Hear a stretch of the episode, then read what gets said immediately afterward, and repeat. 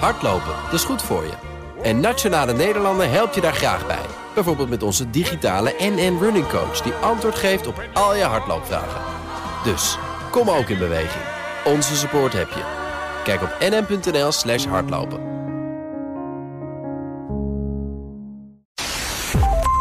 And I want you all we are fake news. Fake, phony, fake. Actually an incorrect statement.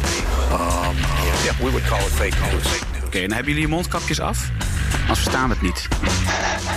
Oh die kregen jullie al niet, hè? Ja. Eh, ja, de Factkoers podcast. eh, samen met Dr. Media hier. Nadat we allemaal eh, in, het, in, het, in het corona... Ja, het is het corona-gat hebben gelegen. Fijn dat jullie er weer zijn. Ja, Ja. nou, nog niet echt, hè? Nog niet echt. Ja. bedoel, we zitten wel in. eh, Zo digitaal zijn we erbij. Ja, dat is waar. We gebruiken een super professionele oplossing met een WhatsApp en een snoertje en een, en een computer. Echt, eh, echt heel professioneel. Eh, maar goed, wel fijn dat we allemaal in ieder geval blijkbaar iets meer ruimte hebben om, eh, om er weer eens eentje op te nemen. En dan zijn er misschien twee dingen goed om even te zeggen. Ten eerste, we nemen deze op op 7 mei. Dus dat is eh, vlak na de aankondiging van de eerste versoepelingen, om ze zo maar even te noemen. En daarnaast doen we normaal gesproken in deze podcast praten we over duiding en nuance in het nieuws en een soort van factcheck. Deze keer hebben we besloten, omdat Thijs en Lester altijd in een ziekenhuis werken, om even bij te praten van wat is er nou allemaal gebeurd de afgelopen Ja. twee maanden. Wat wij, ik weet niet wanneer wij voor het laatst, ik denk bij ergens begin maart of zo, hebben wij eh, elkaar voor het laatst gesproken. En toen de- natuurlijk een beetje via de, Whats- via de WhatsApp hier en daar, toen de, toen de corona eh, wat erger begon te worden, af en toe wat berichten gewisseld. En toen zei Ja. jij volgens mij, Lester, op een gegeven moment, ik ben er even niet, want ik ben me aan het klaarmaken om... je zei het niet zomaar om de strijd aan te Ja. gaan. Om, zo kwam het een beetje over. Ja, ja, Misschien interessant om even te vertellen, hoe, hoe is dat voor jou gegaan? Want je bent natuurlijk arts in een ziekenhuis, ziekenhuisarts. Ja ehm, was natuurlijk ja, natuurlijk gewoon een bizarre, een bizarre ervaring en een bizarre tijd. Is het natuurlijk nog steeds. Eh, maar ja, en eh, een maand of drie terug eh, zaten we natuurlijk nog gewoon normaal te werken. En leek er praktisch niks aan de hand. Ehm, en ja, hoorde je op een gegeven moment natuurlijk wel iets over zo'n beetje een ja, nog niet helemaal eh, bekende longziekte ergens daar in China of zo. Maar was het natuurlijk nog een enorm eh, ver van je bedshow. En ehm, ja, ik weet nog wel dat dat op een gegeven moment dan langzaamaan natuurlijk wat dichterbij kwam.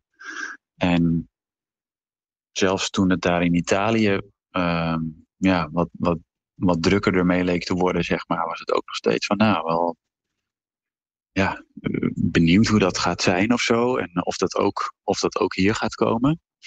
Eh, dus toen, toen, toen voelde je wel een beetje zo'n soort van beurs, zeg maar, door dat ziekenhuis gaan. Van, nou, dat, ja, er is toch echt wel iets aan de hand. Maar ja, niemand had echt nog enig zicht op wat dan en wat dat dan zou zijn. En toen ging dat toch wel in hele korte tijd, eh, wat ik me herinner, sloeg dat best wel om. En kwamen de eerste berichten uit Italië hoe erg het daar was, waar, ik, waar, waar we echt op reageerden van, nou, wat bizar, hè? Wat, wat heftig. Dat, dat je echt elkaar gewoon tegenkwam en, en je nog weinig gewoon hele normale zorg aan het leveren waren. En je toch tegen elkaar zei van ja, heb jij dat al gehoord? Heb jij dat al gelezen? Van eh, het is bijna niet voor te stellen, maar eh, ja, als dat echt ook hier komt, oh, wat moeten we dan? Ehm, ik, ik heb niet het idee dat we dat men heeft gedacht van nou dat, dat kan niet waar zijn, maar, maar wel een soort van dat kan haast niet waar zijn. Ja. Ehm, maar, maar er wel gelijk, ja, we waren wel gelijk in een soort houding van oké, vanaf dat moment was natuurlijk alles wat je aan het doen was, stond een beetje in het teken van ja, maar kan dit straks nog wel? En, en hoe moet dat dan straks gaan? Ja, en in een hele korte tijd was toen gewoon duidelijk dat, eh, dat we hier ook in eh, ja, een soort van opperste gereedheid moesten komen. Is er een moment, was, was er vanuit het ziekenhuis een moment dat, dat een soort van eh, all, hoe zeg je dat? all hands meeting, iedereen komt samen en het is een soort van centraal Ja. moment dat, dat er een soort van, hoe zeg je dat? Ja. Ja. Ja, ja zo'n moment is er zeker geweest. En dat, ja, dat is natuurlijk niet één groot centraal ding. Het is niet dat het hele ziekenhuis bij elkaar werd geroepen of zo. Dat, ja, dat begint dan natuurlijk ergens bij de raad van bestuur. Die op een gegeven moment zegt, die waarschijnlijk eerst met elkaar eh, bij elkaar komen en zeggen, er moet nu een knoop doorgehakt over wat voor actie we gaan ondernemen. En dat wordt dan ja, verspreid via de verschillende kanalen. En zo komt het dan uiteindelijk eh, bij ons als, uh, als, als, als de zaalartsen, zou ik maar zeggen, terecht van wat er dan gaat gebeuren. Maar in hele korte tijd merkte je dat er heel veel ging veranderen. Dus dat uh, we merkten dat in één keer moest bijvoorbeeld alle polyklinische zorg, dus alle spreekuurzorg, zeg maar, moesten we over gaan nadenken. We moesten de, de, de spreekuren van de komende weken per patiënt nagaan kijken van is het echt nog wel nodig dat die komt. Als het ook maar enigszins niet nodig is, dan gaan we die bellen. Um, dus toen voelde je al van oké, dat, dat is best wel een rigoureuze stap. Um, en heel kort daarna was eigenlijk ook al het idee van ja, we moeten ook qua personeel dingen gaan doen. We kunnen straks niet meer allemaal werken, want dan, dat, dat is waarschijnlijk een te hoge besmettingsgraad. En als er dan te veel mensen ziek worden, dan zitten we zonder personeel. Dus toen werd het in één keer van, oh, dat betekent dus heel veel voor wat dat qua roosters doet en qua bezetting doet. Dus toen ja, moesten er schaduwroosters komen en backup roosters voor mensen als ze misschien ziek waren. En moest er nagedacht worden over van, ja, ga je dan uh, een week wel werken, een week niet werken, dat soort dingen. En uh, ja, dat was echt in, wat ik me herinner, in, in een paar dagen tijd of zo, dat dat allemaal gebeurde. Echt bizar. Waarin je dus de hele dag door alleen maar appjes en mailtjes en, en elk moment van de dag veranderden natuurlijk alweer dingen. En dan, en, en, en ja, dan zat je met elkaar in gesprek of in de app van nou, uh, volgens mij gaan ze binnenkort uh, dit of dit ook doen. En dan een uur later hoorde je alweer, oh ja, dat gaat ook al niet meer door. Dat wordt ook afgezegd. Was echt, um, ja, echt onwerkelijk. Ja. Maar ja, de, de, zeer nodig dus, is wel, uh, is wel gebleken. In ieder geval, in ieder geval de, de ja, de, wat de IC-zorg natuurlijk betreft. En nou, ja, even nog voor de, bij, welk, bij welk ziekenhuis uh, zit je? Ja, ik werk in, in het Amsterdam UMC op de locatie VUMC, dus in, dus in Amsterdam. En daar, dat verdient ook gelijk wel een, um, een um, laat ik zeggen, nuancering. Zeg maar. Ik denk dat het in heel veel verschillende ziekenhuizen heel, wel een beetje op dezelfde manier is gegaan, maar qua hectiek en qua werkdrukte enorm verschillend is geweest. Want zoals wij zeg maar die, die dagen beleefd hebben, dat, dat viel eigenlijk nog alles mee. Als je dat vergelijkt met hoe het bijvoorbeeld in het zuiden van het land was. Op een gegeven moment kregen we ook gewoon uh, berichten van uh, bevriende collega's uit uh, Breda en omstreken hoe het daar was. En ja, dat was, dat was niet te vergelijken met hoe het hier was. Hier, hier zaten we echt nog een beetje allemaal zo te wachten van, ja, oké, okay, we hebben nu echt alles geregeld. Um, wanneer gaat het beginnen of zo? Terwijl ze daar al alle hens aan dek was. Maar is het, is, en ja, is het begonnen? Sorry? Is het, is het, is het dan is het, begon is het begonnen ja, het geweest? Is, um, niet, niet, niet echt. Niet, niet in de zin van de, de, de paniek of de hectiek die, uh, die je zeker uit berichten uit Italië hoorde. En ook wel af en toe wat berichten uit, uh, uit het zuiden van het land. In de zin van dat daar echt alle artsen ook op de eerste hulp moesten bijspringen. Dat soort dingen. Dat hebben wij niet gehad. Uh, wel wel alle overleg daarvoor, zeg maar, dat dat nodig mocht zijn. En er zijn ook best wel veel artsen, bijvoorbeeld van andere specialismen, die ook uh, een soort van spoedcursus hebben gehad om, om bij de IC mee te werken. Dus wel dat soort dingen. Maar niet in de zin van uh, we worden overspoeld met patiënten. Uh, wat een gekhuis, zeg maar. Dat niet.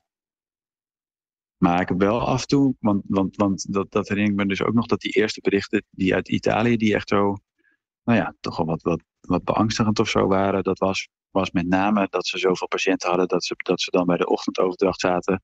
En dat ze gewoon bij elke patiënt zeg maar hetzelfde verhaaltje konden zeggen. De patiënt kwam hiermee, uh, benauwdheid, uh, bla bla. En dan lieten ze de longfoto of de scan van de longen zien. Steeds weer hetzelfde beeld daarop. En dat, dat, ja, ik weet nog dat we dat bericht uit Italië hoorden en dat, dat, dat, dat greep me wel aan. Ik dacht, ja, dat, dat, bestaat toch haast niet. En dat ik op een gegeven moment ook bij onze ochtendoverdracht zat en dat het ook zo ging. Oh, Gewoon ja. zes, zeven, zes, zeven patiënten meteen achter elkaar. Allemaal, allemaal dezelfde klachten, allemaal dezelfde CT-scan. Dat je denkt, ja, het is toch echt, het is echt gewoon helemaal, um, ja, ja, daar het komt nu hij. echt aan Ja. wat dat betreft. Maar niet, maar niet, maar niet gelukkig in de, in de zin van de hectiek. Nee. Nee, ik vond dat trouwens. ehm, en dan, dan gaan we even naar Thijs, maar. Ik heb hele, al wanneer. eh, Wanneer mag jij? Ja. Ehm, ik vond dat heel erg. en Ik hoef verder niet mijn ervaring te delen of zo. Maar grappig, ik werk natuurlijk voor BNR. Doe ik die rubriek met die, met die, met die fact-check. Wat ik heel gek vond, is over Italië gesproken. Even als anekdote. Dat daar in het hele begin was er een eh, bericht van de NOS. Dat dus inderdaad eh, artsen moeten kiezen tussen wie er blijft leven en wie er doodgaat. Ja, En die heb Ja. ik toen gefactcheckt. En eh, dat was dus helemaal niet zo op dat moment. Eh, Nee. En het is overgenomen uit een krant en dat is, dat is fout, eh, eh, verkeerd, Ja. verkeerd vertaald.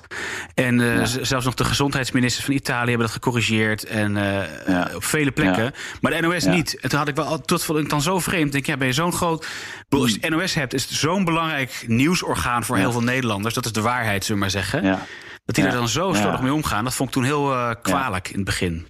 ja. Staat het er nog steeds Ja. zo op? Nou, ik, ik heb het nu al een tijdje niet. Ik zal hem ondertussen even Ja, zoeken. dat is natuurlijk wel, dat is natuurlijk wel wat, wat, wat, want wat dat natuurlijk ook teweeg brengt, is dat dat natuurlijk ook bij zorgverleners doorwerkt.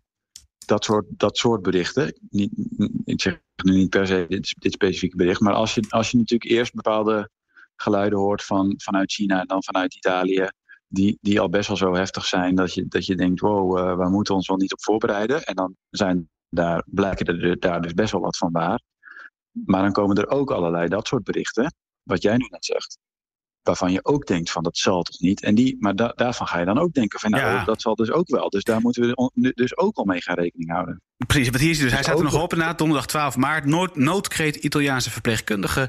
Wij bepalen wie leeft en wie doodgaat. En dan zie je een foto van Ja. een soort mortuarium. Nou, niet echt mort, Ja. maar wel een soort van Ja. Ja. Hollywood-filmachtige setting. Het lijkt me Ja. goed als jullie Ja. mijn stem horen. Daarin hoor je angst en bezorgdheid, et cetera, et cetera. Ja, en toch met allemaal verhalen van dat ze echt de beademingsbuizen van eh, mensen eraf hebben gehaald om die weer op andere mensen te zetten, zeg maar. Eh, ja, dat Ja, soort dingen, ja. soort van, nou ja, dat, ik zeg niet dat dat in dit, dit bericht stond, maar dat, dat, dat zulke berichten er rond deden. Rond de- deden. Nee, en Ja. nou goed, dit is dus ja, dit is gewoon niet gecheckt. En, en het erge is, maar goed, en dan zullen we er straks over ophouden. Het NOS-bericht zegt ook: dit hebben we uit een WhatsApp-audio-bericht, wat niet te verifiëren is. We hebben iemand anders Ja. gebeld en die heeft gezegd: het zou best wel eens waar kunnen zijn. Dus het is Ja. waarschijnlijk zo. Ja, ja. Terwijl er dus ook gewoon Italiaanse artikelen zijn die ik, heb, geweten- Ja. die ik gewoon heb gevonden met behulp van Google Translate. Waar gewoon ja, het ontkracht wordt en het ook berust op iemand die een burgemeester die dit gezegd heeft. En daarna heeft gezegd: ja, dat had ik misschien niet moeten zeggen, dat was een beetje te overdreven. Ik liet me gaan door mijn emoties.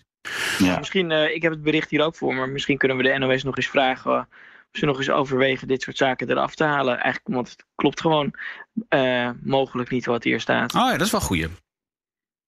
Nou, dat is wel een leuke. Thijs, ja, voor jou was het natuurlijk heel anders. Ja, ik had een. eh, ja, het was een beetje een. eh, ja, misschien wel een goede timing. Maar op de dag dat.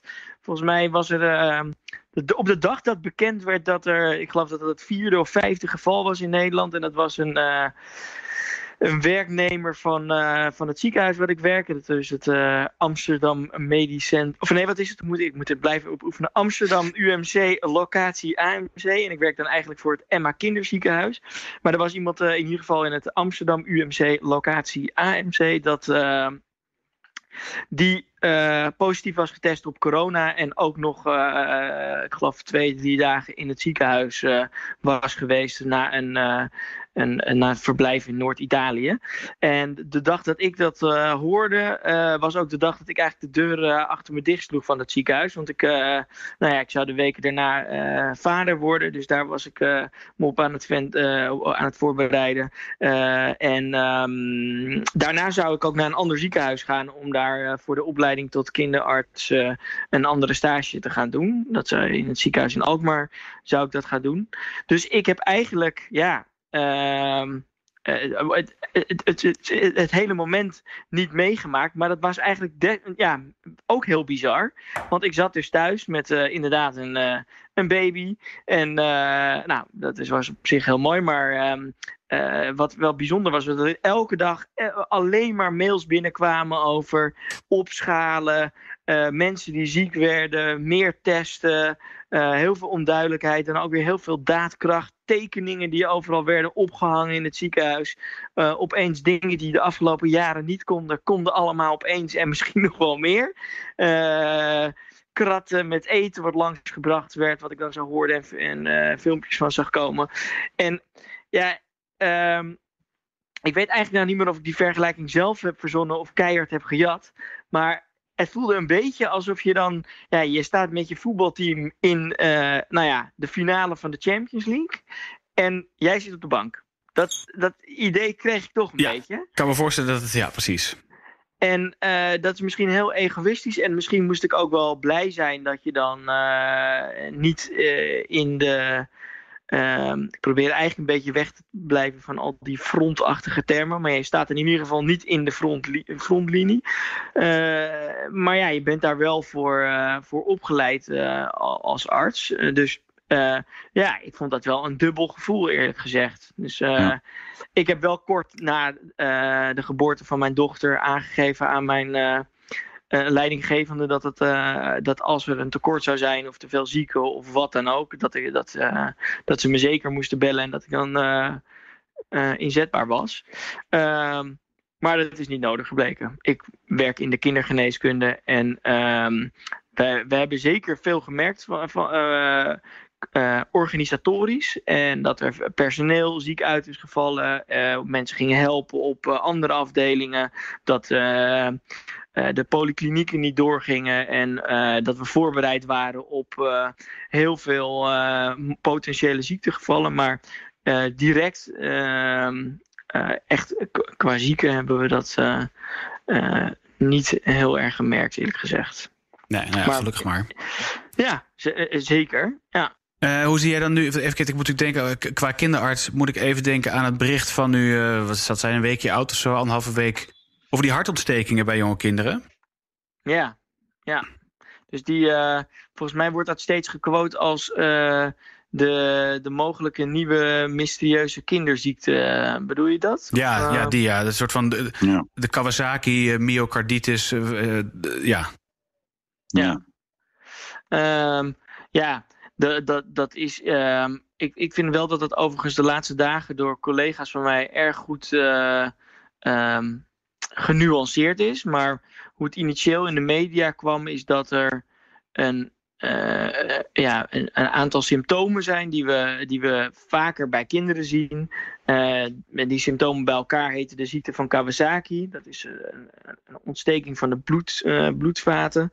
Waarvan, en, en, en, inderdaad, het is een beetje een mysterieuze ziekte in die zin dat we niet helemaal goed begrijpen waar dat nou precies door wordt uitgelokt en hoe dat precies in elkaar zit.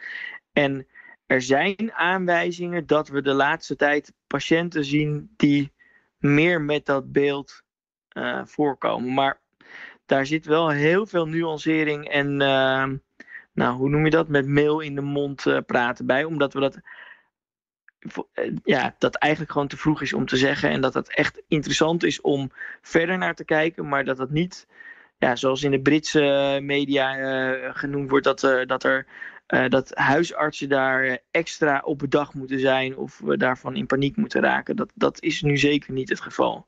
Het is dus eigenlijk al een mysterieuze ziekte die we al heel lang als fenomeen kennen. Um, ja, en misschien dat we die nu iets vaker zien of niet. Dat daar, daar, daar uh, ja, daar, uh, het is onbekend of daar een verband met het coronavirus is.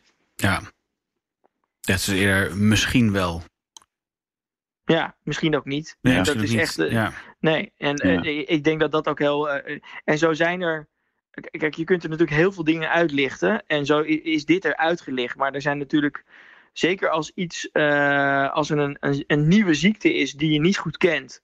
Maar die wel zo veel gepresenteerd wordt. Ja, dat is iets wat je met z'n allen probeert te, te begrijpen. En dat je elke ja, alles wat opvalt, daar ga je dan op inzoomen. Uh, dus we zitten er met z'n allen nu ook naar een vergrootglas naar te kijken. En ik denk dat dat ook wel iets belangrijk En waar dan ook wel meteen de pers meer meekijkt. Er is dus eigenlijk minder tijd en rust om ergens naar te kijken. Ik denk dat dat fenomeen hier ook heel erg bij meespeelt.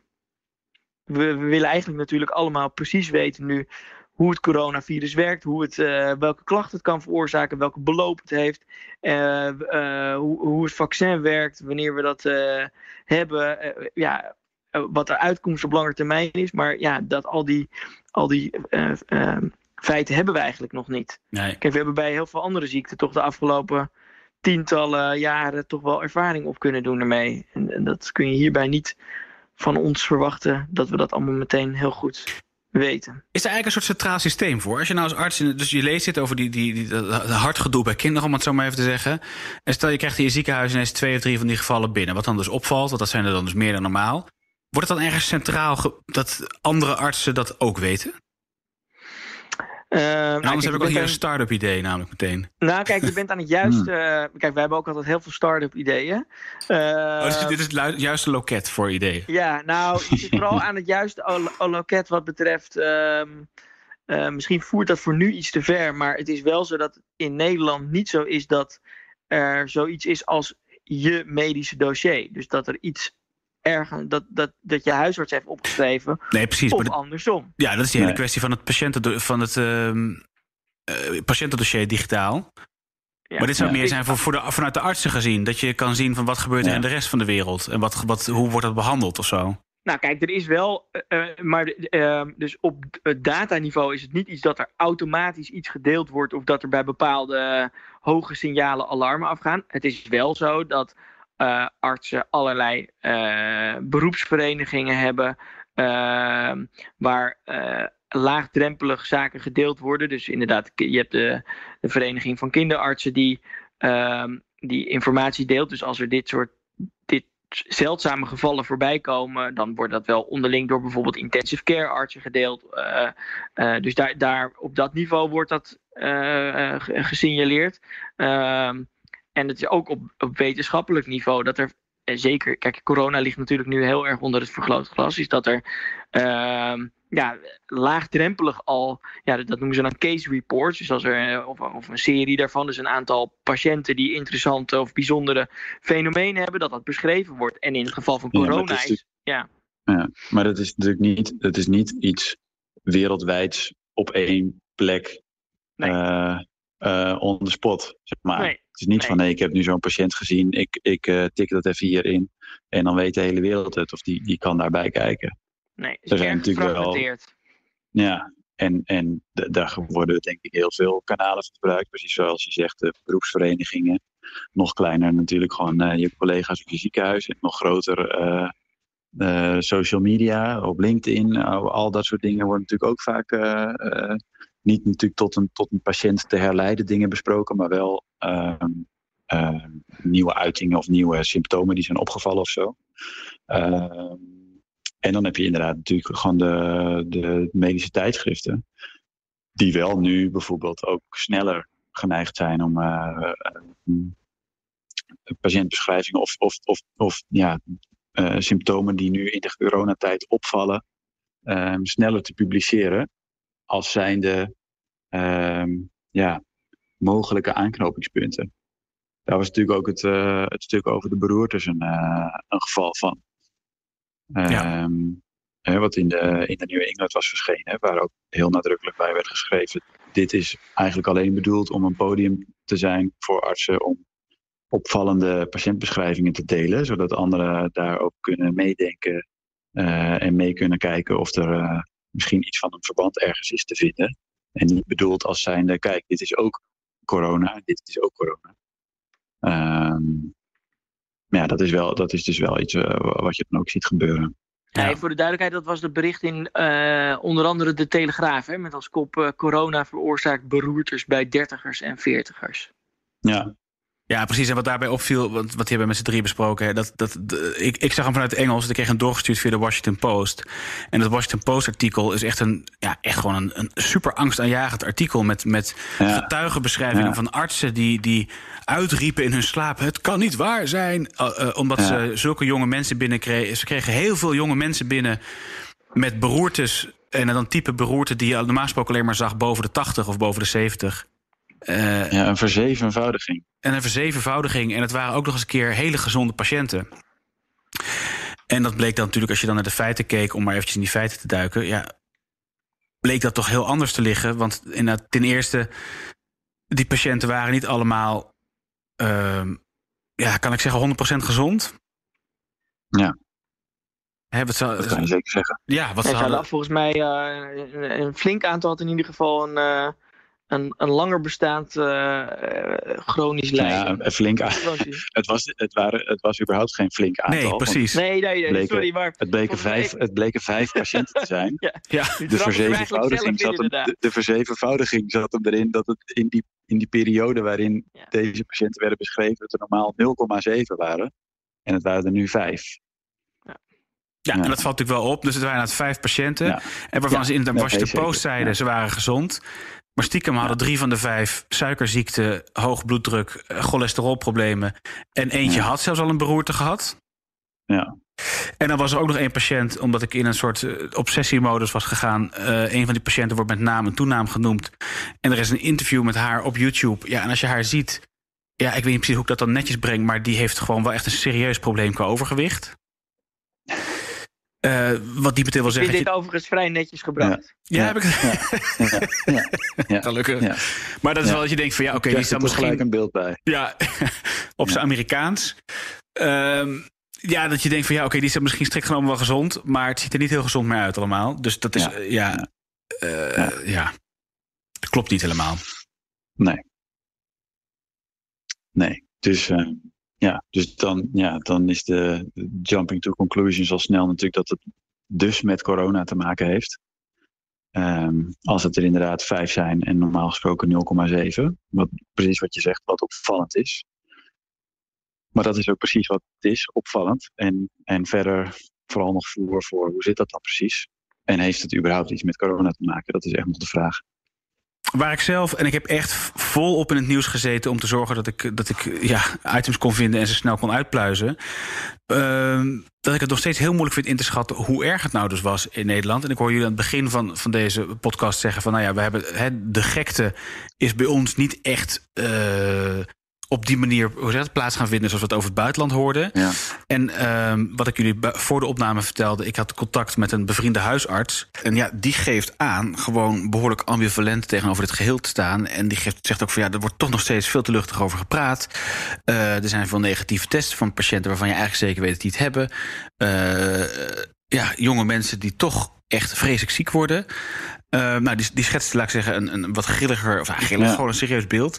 Ja, Ehm, daar schrok ik van. Ik denk, oh, dat is, toch wel heel erg. Hoe, hoe, hoe, zien, jullie, hoe zien jullie dat? Her- herken je dit? Nou ja, de, de- mijn reactie is dat ik, ik herken me daar wel een beetje in. Ehm, dat het, ik, ik ben ook, sta er ook best wel ambivalent in, zeg maar. Het is, het is zoiets, ehm, in mijn ervaring dan, zoiets dubbels, continu. Ehm, dubbel in de zin van, nou, wij hebben dan, wij hebben dan hier, wat ik zei, hier in Amsterdam niet zo heel veel hectiek gehad. In, in, in het ziekenhuis waarin ik dan werk. Ah, Ik weet niet precies hoe dat is geweest voor andere Amsterdamse ziekenhuizen. Ehm, ik heb ook contact met bevriende collega's gehad die het daar wat drukker hadden dan, dan dat wij het hadden. In het zuiden hebben ze het dus echt wel echt heel erg druk gehad.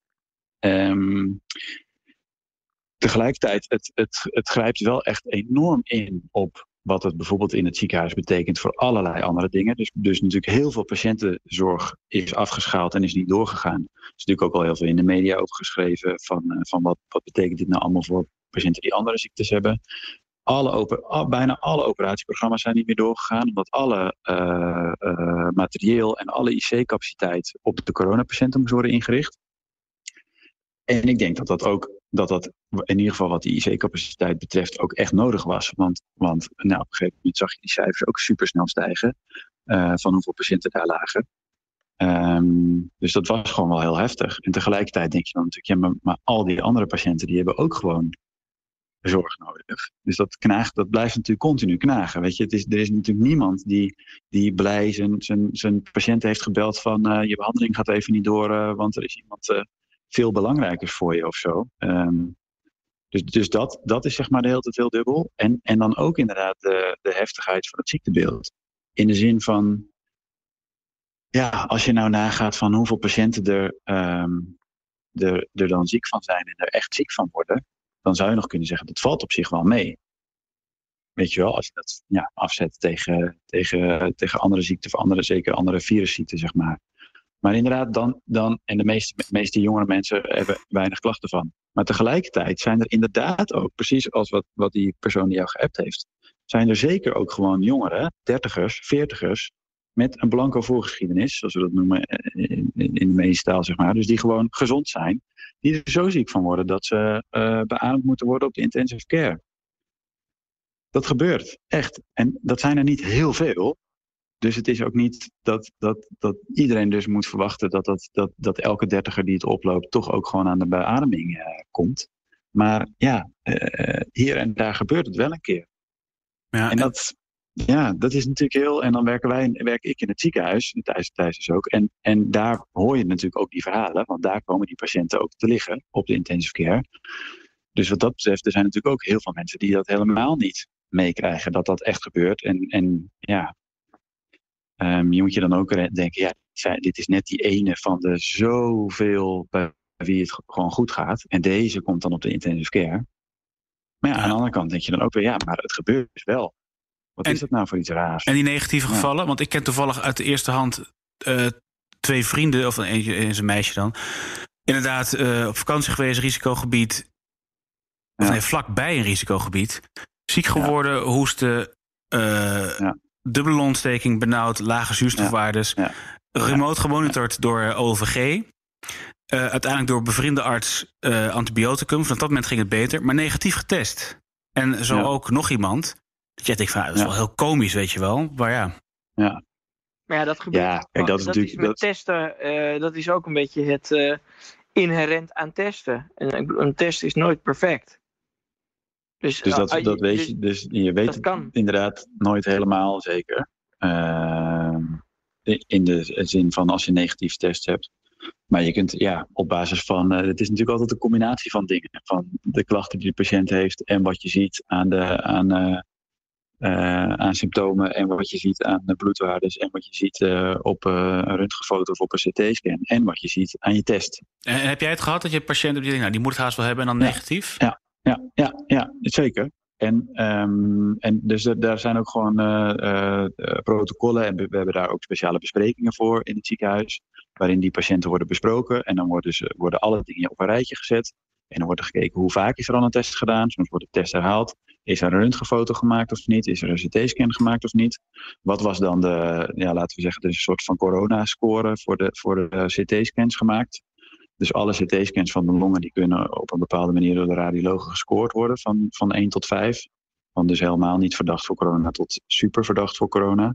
En ja, er is wel eens iemand die scoort dan uh, een 5, maar, maar, de, maar de test is negatief. Dan denk je van nou, dat is waar. Maar ja, dat, dat gebeurt dan. En dan test je later nog een keer. En, en ook als die tweede test negatief is, maar die patiënt blijft wel die symptomen houden. En je hebt die CT-scan erbij die wel heel verdacht is. Ja, dan blijf je zo iemand gewoon behandelen en in isolatie houden alsof hij corona heeft. Dat, ja. ja. ja. En hangt het natuurlijk ook nog weer af zeg maar, van is het dan een swap is het dan zo'n wattenstokje alleen uit de neus? Of is het ook uit uh, slijm wat is opgehoest? Of is het, hebben ze bij een, uh, bij een patiënt op de IC een uh, spoeling van de longen gedaan? Hebben ze daarin getest? Dat maakt natuurlijk ook nog weer allemaal uit. Ja, ik ben zelf vooral wel benieuwd hoe we er. Het is zo moeilijk om naar iets te kijken als je er nog middenin zit. En ja. dat blijven we eigenlijk ook. Dat zitten we nog steeds. Ik bedoel, we hebben gisteren dan wel te horen gekregen dat er bepaalde zaken weer mogen. En dat we er ja, dat we daar langzamerhand uh, gaan toewerken naar, nou ja, hopelijk daar naar, naar de anderhalve meter uh, maatschappij. Maar, Samenleving, ja. Ja, um, maar ik, ik ben zelf vooral heel benieuwd dat als we over een jaar of twee, twee jaar hier naar, naar terugkijken, of we dan denken, ja, we hebben daar toch juist het juiste gedaan. Of, uh, kijk, er, er is ook heel veel zorg uh, nu niet geleverd aan, Precies. Aan, aan, aan heel veel patiënten of aan mensen die wel patiënt hadden moeten zijn. Uh, ja. Er zijn ook aanwijzingen dat dan, en dan spreek ik vanuit de kindergeneeskunde, dat, dat wij kinderen later, later zien of niet meer zien. Ja. Of, ja. En ja, dat is moeilijk om daar nu hele harde uitspraken over te doen. Dat ja, dat kan misschien ook nu helemaal niet. Maar ja. ik ben daar zelf wel, wel heel erg nieuwsgierig naar wat, daar, uh, ja, wat we daar over een, over een flinke tijd van, van vinden. Als we daar ja. ja. met een afstand naar kunnen kijken. En nu kan dat ja. helaas nog niet. Um, Hetzelfde geldt wat mij betreft ook voor de huisartsenzorg. Maar, ja, wat, wat wat zo ongeveer niet in het nieuws is geweest. ehm, waar het natuurlijk eigenlijk alleen maar over de ziekenhuizen en over de IC-capaciteit ging. Ehm, maar in de huisartsenzorg is dit natuurlijk ook enorme, heeft dit natuurlijk ook gigantische impact gehad. Ja, de, de, In de manier van werken, in, in, in het eh, niet meer zien van patiënten, eh, dat patiënten niet meer naar het spreekuur eh, willen of durven komen of niet meer konden komen. eh, dat huisartsen met hun isolatiematerialen, die dat allemaal zelf maar moesten regelen om te zorgen dat ze genoeg eh, beschermingsmiddelen hadden.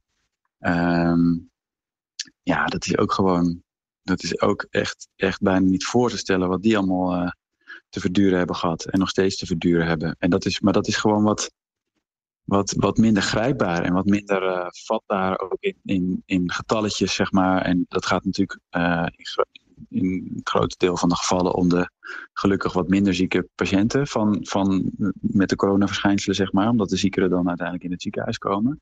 Maar ja, die hebben net, natuurlijk net zo goed een gigantische rol. En zeker ook dus wat betreft inderdaad al die andere mensen die niet corona hebben, maar die ja, eh, om andere redenen de huisartsenzorg nodig hebben. Of misschien, weet je, de ouderen die, die gewoon de, de sociale aandacht en steun eh, en ook het contact met hun huisarts soms nodig hebben. Dat dat ook allemaal gewoon door deze ja, situatie eh, in veel gevallen bijna onmogelijk is gemaakt. Ik denk dat dat ook, dat dat ook echt nog tijd en nog heel veel eh, praten en ervaringen delen nodig heeft. Voordat, voordat we daar een beetje zicht op krijgen en dat er wat meer, eh, ja, moet je dat zeggen? Misschien wel erkenning of zo komt voor, voor hoe dat voor hun is geweest. Ja, ja, Hetzelfde geldt, natuurlijk, hetzelfde geldt natuurlijk voor de ver, eh, verpleeghuiszorg en de thuiszorg. Hè? Laat dat duidelijk zijn. Dat is ook echt. Ja, eh, dat is, daar is dan gelukkig wel af en toe wat over, eh, over gezegd. Over, over hoe ongelooflijk het is dat die dan. Ja, dat daar bijvoorbeeld wat die beschermingsmaatregelen betreft ook.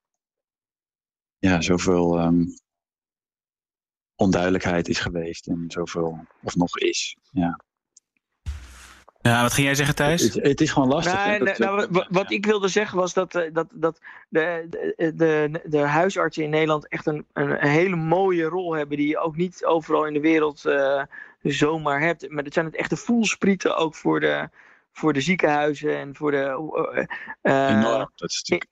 in, in, in de maatschappij. En dat is eigenlijk is dat, was, is dat nu betrekkelijk lang gewoon weg geweest. Of weg geweest. Nou ja, dat is in ieder geval op een heel andere manier. Ik ben zelf daar wel eh, ja, benieuwd naar wat, waar we, wat we daar dan nog van gaan merken. Ja, Behalve dat het natuurlijk niet, niet is weg geweest in de zin van. De, wat je bedoelt, natuurlijk weg geweest in de zin van dat er weinig gewone huisartsenzorg is geweest. Omdat er weinig Ja. patiënten bij de huisarts zijn geweest.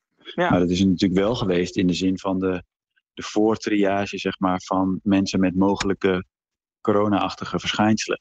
Nee, absoluut. dus dat, ik denk dat die er juist, die rol er heel goed is geweest. Maar oh, Mensen die klachten hebben, blijf thuis. eh, gewoon telefonisch contact houden, dat soort dingen. Ga vooral niet naar het ziekenhuis, ga niet naar de eerste hulp. Al dat soort dingen, zeg maar. Dat is zo, dat is zo ongelooflijk waardevol geweest. Daar ben ik echt van overtuigd. En is het nog steeds. Ja, nou, kijk, en dan ook, eh, je kunt het ook van de andere kant bekijken. Wat ik in het ziekenhuis merk, is dat we, doordat we nu gedwongen werden eh, op een andere manier te werken, dat er veel meer eh, digitaal gewerkt werd. Besprekingen die Ja. werden op afstand Ja. gedaan. En het klinkt Ja. eigenlijk te logisch voor woorden, maar er waren zaken die, eh, die al veel eerder doorgevoerd hadden kunnen worden, of waar we misschien niet eens van bewust waren dat dat op die Absoluut. manier kunt. En dat, dat Ja. merken we nu wel. En ik, ik denk dat het wat dat betreft ook heel veel ehm, in die zin opgeleverd heeft. Dat daar wel, eh, eh, ja, daar, daar zijn echt nieuwe dingen uit ontstaan. Die, Ja. ik, ik ben benieuwd of we met Ja. eh, dokters nog zo vaak per dag bij elkaar komen. Eh, Ja. ehm, dus da- nou, ik denk dat daar wel dingen van gaan blijven. En misschien is dat, geldt dat ook wel voor de huisartsenkant. dat er eh, inderdaad, er werd nu misschien meer gebeld. Of eh, ik, ja, Lester kan daar misschien iets beter over vertellen. Maar ik denk dat over die manier van werken, dat, ja, dat gaat ook wel eh, inzicht geven. Misschien valt het allemaal wel heel erg mee, dat weet ik niet. Ja. Maar Ja. ik ben daar gewoon heel, heel erg nieuwsgierig naar. Nou, dat zou wel interessant. Wat ik denk dat Nederland wat dat betreft wel een kleine achterstand heeft ten opzichte bijvoorbeeld de US. Wat we hier aan, aan ja, hoe noem je dat, telemedicine of zo, zo'n soort van ouderwetse uitdrukking Ja. zou het wel zijn. Voor mij Ja. zijn hier ook geen start-ups. Eh, amper waar je zeg maar, kan beeldbellen met je dokter voor, uh, voor een schimmeltje of een, of een dinges. Dat heb je natuurlijk in de US veel meer. Het zou natuurlijk op zich wel aardig zijn als dat soort dingen hier nu een beetje zouden doorbreken. Ja, ja, ja, ik hoop het. Wat zijn, uh, even kijken, willen we die borstmelk nog uh, ja. erin fietsen? Die, die moedermelk, uh, ja, daar is een idee over dat dat... dat, dat je moet ik eerst even uitleggen wat het is, de hele, de hele situatie. Uh, wat, wat bedoel nou, wij, wij refereren onderling aan ja, die moedermelk. Maar, maar je moet even voor de... Luisteraars denken nu, hoe komen die gasten nou opeens op moedermelk? Joh. Ja. ja, ja, nee, kijk, die denk ik, ik heb natuurlijk, ik, ik, ik, ik zit al. Ja, jij zit, lang, jij uh, zit er middenin natuurlijk. Ja, dat... Ik zit al twee maanden lang uh, tussen de flesjes, het kolven en de poepluiers. Dus, ja. ja. het eerste woord wat ik er gauw na corona uitflap is moedermelk. Ja, precies. ja. Uh, maar uh, hou me even ten goede welk, ja. uh, welke, welk medium of welke media het was. Maar er waren eigenlijk ja, vers verschillende. Ja, dat, dat kan, kan, kan, moedermelk kwetsbare ouderen beschermen tegen COVID-19. Ja, AD kopte er volgens mij als eerste mee. Ja. Denk ik. Ja. En ehm, nou ja, het is inderdaad, we, we weten dat, dat moedermelk uh, onwijs veel. Ja, het komt van een persbericht van, van ons eigen Amsterdam UMC. Hè? Dat het, ja. uh, daar hebben die kranten zich gewoon op gebaseerd. Ja, nou ja, en we weten dat, dat moedermelk dat het onwijs veel voedingsstoffen bevat. Ook uh, voor, het, voor het immuunsysteem en tegen infecties heel veel antistoffen bevat. Ehm, en er zijn onderzoekers die gaan, ja, gaan kijken of moedermelken van vrouwen die die dat, uh, moedermelk van vrouwen die de corona-infectie hebben doorgemaakt, uh, ja, of die antistoffen bevat. En dan in theorie uh, zou dat dan kunnen helpen om personen die dan, zo, die dan melk drinken, moedermelk drinken, om dan te kijken of dat zou beschermen tegen het virus. Ehm, maar die kop neemt dus wel een voorschot op de mogelijke toekomstplannen.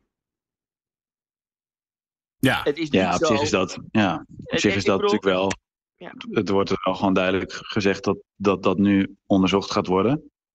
Toch? Dus daar is op zich niet zo heel veel mis mee. Nee.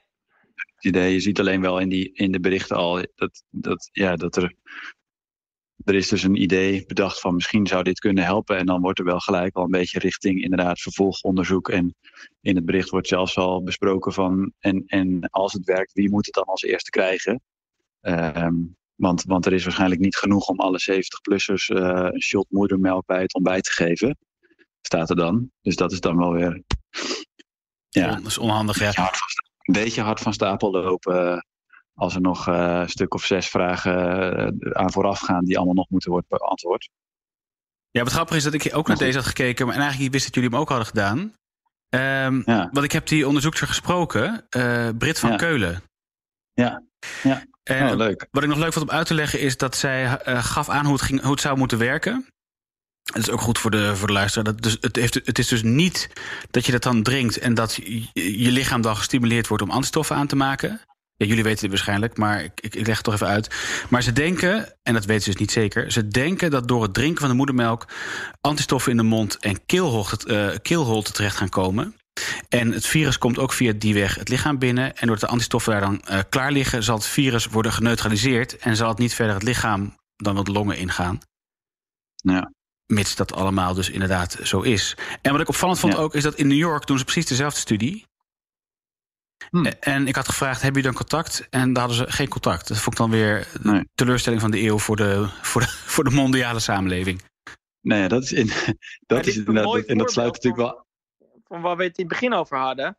Precies. Over uh, dat er niet één verzamelplek is waarvan je denkt: oké, okay, nou, uh, als ik daar uh, en daar zoek, dan weet ik zeker dat ik. Dat ik, dat ik achterkom dat, dat er collega's zijn die daaraan werken. Of dat, er is, daar, is niet een, een één plek in de wereld waar we alle informatie van de geneeskunde bij elkaar komt. En dat, nou ja, ik, misschien, uh, hier heb je misschien mooi werk verricht door mensen aan elkaar te koppelen. Want dat je- ongetwijfeld Je hebt dat voor sommige, je hebt dat voor grotere onderzoek natuurlijk wel. Er is wel zo'n trial register. Ehm, gelukkig. maar er hoeft niet elk onderzoekje wat wordt uitgevoerd, zeg maar, aan, eh, bij ingeschreven te worden. Dus daar vind je niet echt alles. Wat dat betreft, wat me nog dan, dan nog wel zeg maar weer de andere kant op heeft verbaasd. ehm, is dus over de, de, uh, het verband zeg maar, tussen coronavirusinfectie en het ontstaan van trombose. Die bloedpropjes. Dus we hadden het al over die beroertes. Hè, die, dat, uh, nou ja, dat die paar gevallen waren beschreven en dat daar misschien iets lijkt te zitten. Dat is dus allemaal nog een beetje vaag. Maar wat in ieder geval wel vrij duidelijk lijkt te, lijkt te zijn, is dat mensen die een coronavirusinfectie hebben, een ernstige coronavirusinfectie, sneller uh, bloedpropjes maken. Vooral in de longen dan, dus longembolie noem je dat dan. Uh, maar wat op zich ook wel een trombose uh, in, in de uiting van een beroerte zou kunnen zijn. Maar dat, dat, dat viel eigenlijk hier al best wel snel op.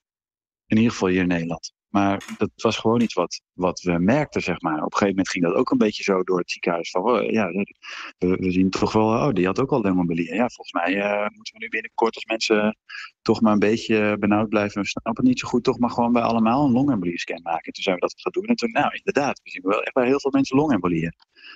Maar dat was echt in een tijd van, nou ja, wat ik me herinner, zeg maar, was het gewoon in de eerste paar weken dat we dat al, dat we dat al merkten en, en uh, met elkaar deelden. En daarom is er nu ook een, uh, een uh, richtlijn gekomen in overleg met de internistenvereniging en een aantal andere partijen, dat we bijvoorbeeld op de intensive care nu iets meer anti-trombosemiddelen al voor de zekerheid zeg maar, worden gegeven. Maar dan denk ik, hoe kan dat nou niet bijvoorbeeld uit China of uit Italië al zijn overgelaten? Ja, dat snap ik dus ook niet. Maar nee. zoveel patiënten hebben gezien, waar het zo lang voor ons, en, zeker China dan, en hebben we het in ieder geval over maanden voordat het hier zo heftig was, dat het daar ook al was.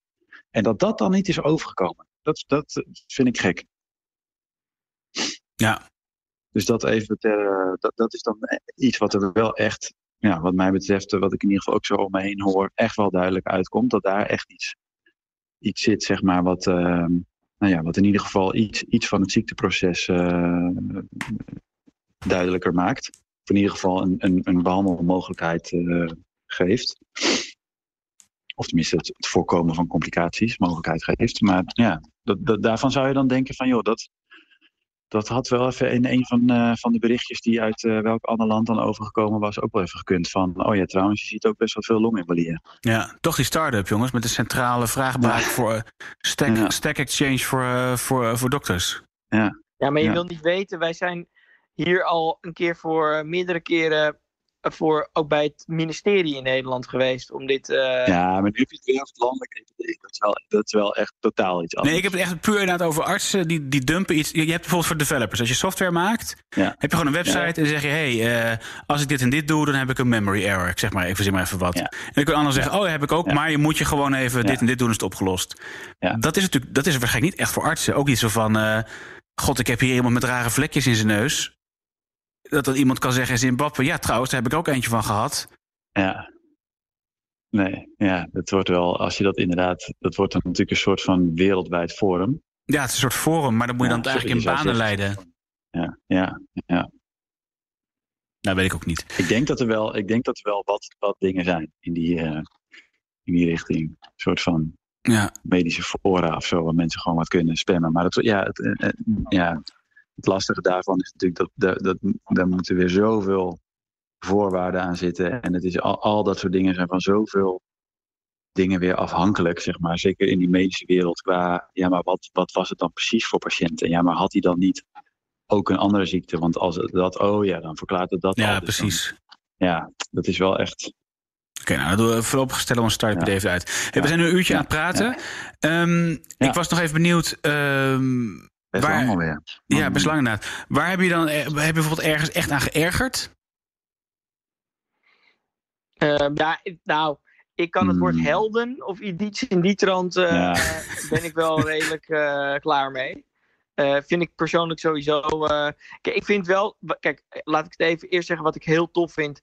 Is dat de zorgsector heeft zich wel echt van zijn allerbeste kant laten zien. Ik denk dat het heel knap is dat een sector die in mijn opinie in ieder geval uh, al jarenlang uh, nou, te, kampt met tekorten, uh, IC's waar te weinig verpleegkundigen voor zijn. En dat er dan ook nog eens opgeschaald moet worden dat eigenlijk elke persoon die ook maar de eet of, of wat dan ook heeft afgelegd of in ieder geval werkt in de zorg uh, duidelijk heeft laten zien dat hij zijn of haar steentje wil bijdragen en vaak nog wel uh, meerdere steentjes. En ik vind dat, ik vind dat echt heel knap. Ehm, ja, wat mij betreft had daar dan niet per se de hele reactie over helden en frontberichten op hoeven komen. Aan de andere kant heeft dat misschien wel ehm, ja, een mooie promotie voor de sector zelf opgeleverd. Maar dat. Ja. Dus ik weet niet of dat een duidelijke ergernis is, maar ik vind dat wel een heel opvallend punt. Ehm, en ja, ik, ik, ik, denk dat ik dat. Uh, ik hoop dat dat ook eigenlijk voort blijft bestaan. En dat dus duidelijk is dat vitale beroepen ook echt wel niet voor niks vitale beroepen uh, zijn. En dat die blijkbaar ook echt nodig zijn. En dat die ook uh, gewaardeerd moeten worden. En daarmee bedoel ik niet een extra reep chocola gratis van de Lidl die het langsgebracht komt. Maar bedoel ik echt een. Nee, maar heel realistisch wel. Nou ja, dat, dat, is heel uit het leven gegrepen. Ik denk dat dat, dat, dat, dat zit hem in veel uh, langere termijn betere en andere arbeidsvoorwaarden, perspectieven en uh, een, een bepaald uh, de status in de maatschappij. Maar goed, ja. ook daar kijken we misschien over twee jaar weer heel anders terug. Ja, Lester? Ja, nee, ik, uh, ik sluit me daar wel bij aan, denk ik. Ik, zeker, ik heb, kan me niet echt een, een duidelijke ergernis herinneren. Meer dat, dat inderdaad veel dingen opvallen. ja, van hoe, hoe dingen dan nu in het ziekenhuis gaan. En dat je ziet inderdaad dat er zoveel bereidwilligheid is om mee te denken en mee te werken. En dat an dingen anders moeten. En zeker die, die, die eerste paar weken gebeurde er elke dag weer zoveel dingen. Weer, oh, dit gaat toch weer anders. Oh, dit gaat toch weer niet door. Dit moet toch zo. Dit moet toch zo. Het rooster wordt toch zo. We hebben echt weken gehad dat, we, dat elke dag onduidelijk was of we wel of niet moesten werken. En niemand vond het een probleem. Iedereen zat gewoon, oké, ik hoef niet, prima. Dan blijf ik gewoon thuis, blijf binnen. En dan uh, wacht ik wel op het telefoontje als ik toch moet komen. Oh shit, ik moet wel toch nu komen. Prima, kom ik gewoon nu werken. En ik denk dat heel veel van de um, zorgprocessen in die korte tijd die, die zoveel moesten veranderen, ook allemaal door de, door de zorgverleners zijn gedaan. Zeg maar. Gewoon door de mensen van de werkvloer. Dat, dat tekent ook wel weer dat, dat ja, mijn uh, al langer bestaande geloof dat als je die mensen gewoon hun gang laat gaan, wat meer, en gewoon gelooft in, uh, uh, in hun intrinsieke motivatie en daarop vertrouwt, dat er dan zoveel meer van de grond komt dan met al die bureaucratie en alle geregel en alle controledwang en alle, noem het maar op. Want nu was er namelijk geen tijd om alles uh, helemaal dicht te timmeren met ja. tien keer administreren en weet ik dus wat. Het heeft, het, misschien, misschien, is het misschien is wel een mooie verwoording dat het wel ouder bestaande ergernissen zeg maar, heeft versterkt dat er echt een, meerdere dingen zijn gebeurd dat je denkt, zie je wel, dit kan gewoon. Zie je wel, dit lukt gewoon.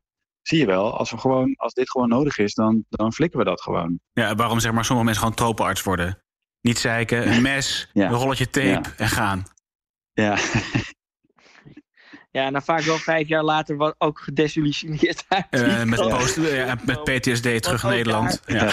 heb je dat ook gewoon. Alleen, ik denk wel dat het belangrijk is dat... Uh, nou, de, echt de, de ondernemer, uh, ondernemerszin, zeg maar. En dat je als je mensen inderdaad gewoon het zelf laat opzetten... en, en zelf verantwoordelijkheid maakt, maakt dan pakken ze dat ook. En dan... Dat, dat, dat is echt... Ik hoop dat... dat dat moeten we nog meer uh, belonen, uitnutten en uh, die vrijheid geven. Want dat, dat levert echt. Uh, dat maakt ook de, het, het werk en de sector veel leuker. Ja, kan me eens voorstellen. Ja. ja. Um, oh ja, nee, ik, had, ja, ik had zelf nog. Um, ja, het blijft natuurlijk verbazingwekkend. Ik heb natuurlijk erg van het media bekeken. Het blijft verbazingwekkend hoe iedereen gewoon alles maar klakkeloos blijft overschrijven. We hebben natuurlijk nu al een paar van die dingen gehad. Uh, maar ik had, eh, had, ook nog een keertje gekeken naar. Ze hadden. Uh, Thierry Baudet kwam ermee dat, uh, dat ze in IJsland. het hele bevolking hadden getest. en dat 50% van de mensen hadden geen symptomen. Mm. En dat is, hij schreef dat omdat het in de kranten stond. Um, maar toen heb ik dat te lezen. En het blijkt dus dat ze uit die steekproef. hadden ze 9000 mensen gemeten. Niet de hele bevolking. 9000 mensen getest.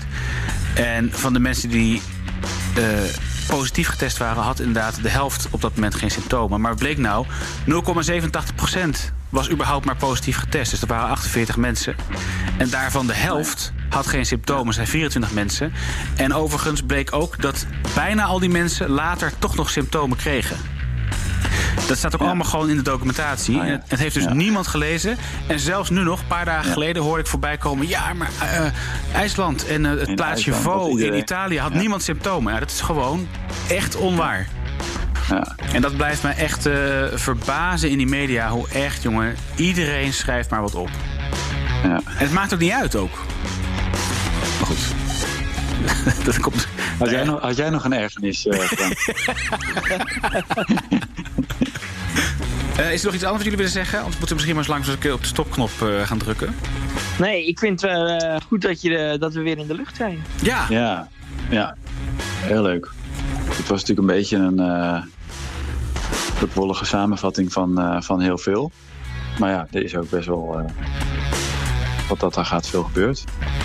Wel een mooie eh, blauwdruk van hoe de afgelopen, eh, nou wat is het dan, twee Ja. maanden misschien waren. Ja. Dus, eh, Ja, En dan, en dan moeten we elkaar misschien beloven dat we de volgende keer dat we dit bespreken, misschien weer wat gestructureerdere aanpakking, aanpak eh, kunnen hebben.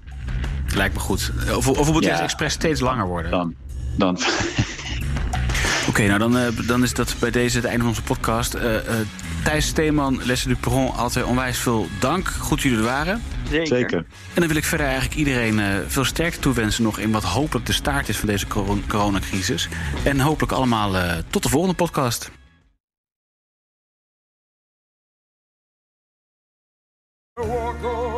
Hardlopen, dat is goed voor je.